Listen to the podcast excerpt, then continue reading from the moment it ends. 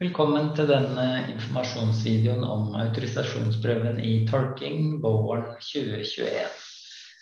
Informasjonsvideoen er produsert på Oslo OsloMet Storbyuniversitetet. Det som vi skal gå gjennom, det er praktiske forhold rundt autorisasjonsprøven og innholdet i og bedømming av prøven. Først praktiske forhold. Påmeldings- og betalingsfristen er 18. mai. Du må betale en prøveavgift på 3000 kroner, som er et administrasjonsgebyr. Den skriftlige prøven blir avholdt fredag 11. juni fra klokka 10 til klokka 14. Og det skjer i Silurveien 2 i Ullern bydel i Oslo. Informasjon blir sendt ut til deltakerne når påmeldingsfristen er gått ut. Hvordan foregår prøven? Den skriftlige prøven er en silingsprøve. Du finner eksempel på skriftlig prøve på nettsida. Du må ha minst 80% riktig svar på skriftlig for å gå videre til muntlig prøve. For eh, de som går videre til eh, den muntlige prøven, så er det et forberedelsesseminar som går over to til tre dager. Den muntlige prøven er den egentlige prøven i tolking. Og den går ut på tolking av to monologer og to dialoger. Muntlig prøve blir avholdt høsten 2021. Datoene blir bestemt etter skriftlig prøve. Autorisasjonsprøven er en spesiell prøve fordi den ikke har noen vanlige opptakskrav, og den har heller ikke studiepoeng. Så det er ikke en utdanning, og den er ikke en del av systemet for høyere utdanning i Norge. Prøven følger en egen forskrift, forskrift om bevilling som statsautorisert tolk og tolkeprøven. Det er ingen konteeksamen til autorisasjonsprøven hvis du ikke består. Så det betyr at hvis du ikke består, så må du vente til neste gang autorisasjonsprøven blir tilbudt i ditt språk.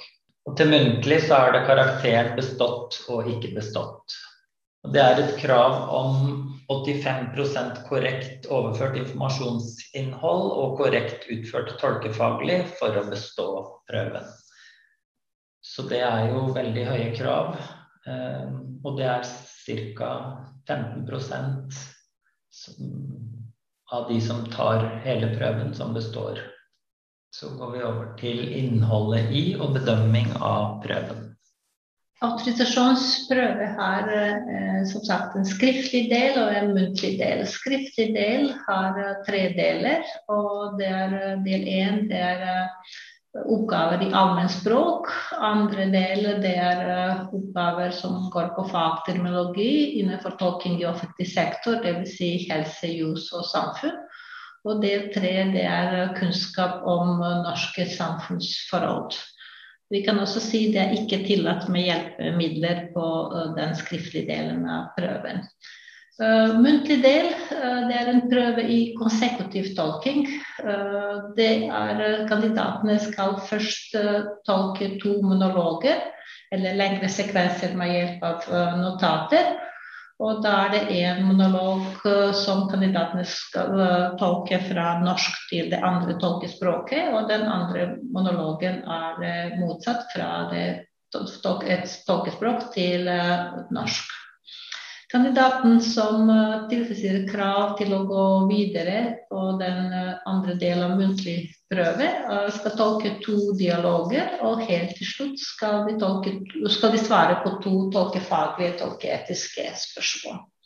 Ifølge forskriften av tolkeprøven, paragraf 11, skal den muntlige delen av tolkeprøven vise om kandidaten ved å tolke konsekutivt kan overføre kommunikasjon mellom språkene så fullverdig at det ikke forekommer feil av betydning for forståelse, og i overføring kan bevare stilnivået og gjengi vesentlige markeringer i stemmebruk, mimikk og gjester og har et adekvat ordforråd og tilstrekkelige kunnskaper i teknologi, og har kjennskap til god tolkeskikk. Eh, bedømming av kandidatens prestasjon på muntlig prøve er delt i språkfaglig og tolkefaglig del. og Språkfaglig del teller litt mer, deler to tredjedeler, mens tolkefaglig teller en tredjedel. Men det er ofte forbundet de som er gode i språket, kan opparbeide også veldig god tolketeknikk. Språkfaglig bedømming, språkfaglige kriterier, det er først og fremst nøyaktighet i informasjonsoverføringen. Kunnskaper i fagspråk og fagterminologi, og språkbruk, språkføring. Eh, det vil si at de språkfaglige sensorene skal først og fremst lytte etter om innholdet i replikkene og tallene blir overført korrekt og i sin helhet.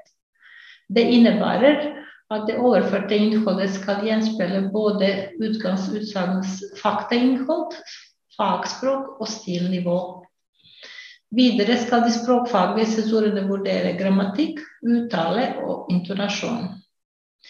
De skal vurdere om eventuelle mangler ved kandidatens språkføring forstyrrer forståelsen av innholdet i budskapet, og eventuelt i hvilken grad. Uh, tolkefaglig bedømming har også flere punkter, og det finnes kriterier for god tolketeknikk. Eh, først taletempo og stemmebruk er i samsvar med den originale utsagnet. Dvs. Si at tolken skal tolke omtrent i samme tempo og brukes det lignende stemmebruk i forhold til uh, tolkebrukere. Uh, tolken avbryter ikke den som taler, men utnytter naturlige pauser, slik at replikkens lengde blir som i en normal samtale. Hvis nødvendig gir tolken penger til å slippe til på en uforstyrrende og smidig måte. Tolken sikrer sitt mottak når dette er nødvendig ved å stille et kort spørsmål med nøkkelord og uten videre diskusjon, slik at det ikke forstyrrer kommunikasjonen. Tall og navn blir sikret. Bruken av hjelpemidler er smidig, men sjelden nødvendig, og den forstyrrer ikke flyten i kommunikasjonen hjelpemidler er tillatt på den muntlige delen. Tolken viser evne til å konsentrere seg, uh, trekker ikke oppmerksomhet til seg eller virker dominerende. Og så tolken viser ikke egne reaksjoner til innholdet eller virker likegyldig. Helt til slutt, men uh, veldig viktig, at tolken behersker adekvat uh, noteringsteknikk. Nå skal vi litt, snakke litt om eksempler, eller gi noen eksempler på feil som det trekkes poeng for. Eh, de aller fleste poeng forsvinner i utelatelser, dvs. Si at tolker eh, eller kandidater klarer ikke å overføre alt som blir sagt fra det ene tolkespråket til det andre. Eh, det er også noen kandidater som har litt eh, tillegg. Det vi, kaller det for tillegg når eh, tolken egentlig sier noe som ikke blir sagt av tolkebrukere. Det er også manglende kjennskap til terminologi. At tolken bruker ikke adekvat termer på det andre språket. Eh, og så har du ofte behov for lange formuleringer. Og så er det feil. Eh, det F.eks.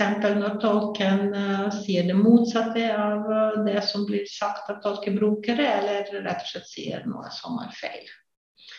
Tolkefaglig eh, del det er eh, når en kandidat har stor behov for gjentakelser, eh, også, eller behov for oppstykket informasjon. Det skjer veldig ofte når tolken har ikke gode evne til å konsentrere seg eller gode teknikker for å sikre at alt innhold blir overført fra et til et annet språk.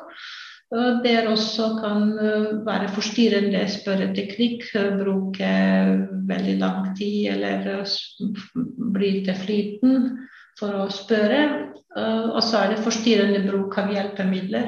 Det kan vi si f.eks. at tolken kan ikke huske et ord, og så prøver å lete etter ordet, bruker veldig lang tid, men kanskje til slutt ikke, finner ikke det, det ordet. Og så manglende eller ikke adekvat notatteknikk. Eh, det kan også det har veldig stor betydning for eh, kvaliteten av tolking. Eh, mer informasjon kan dere finne på vår nettside. Og hvis dere har noen spørsmål, så kan dere sende en e-post til vår e-postadresse tolkautprøve oslomet.no.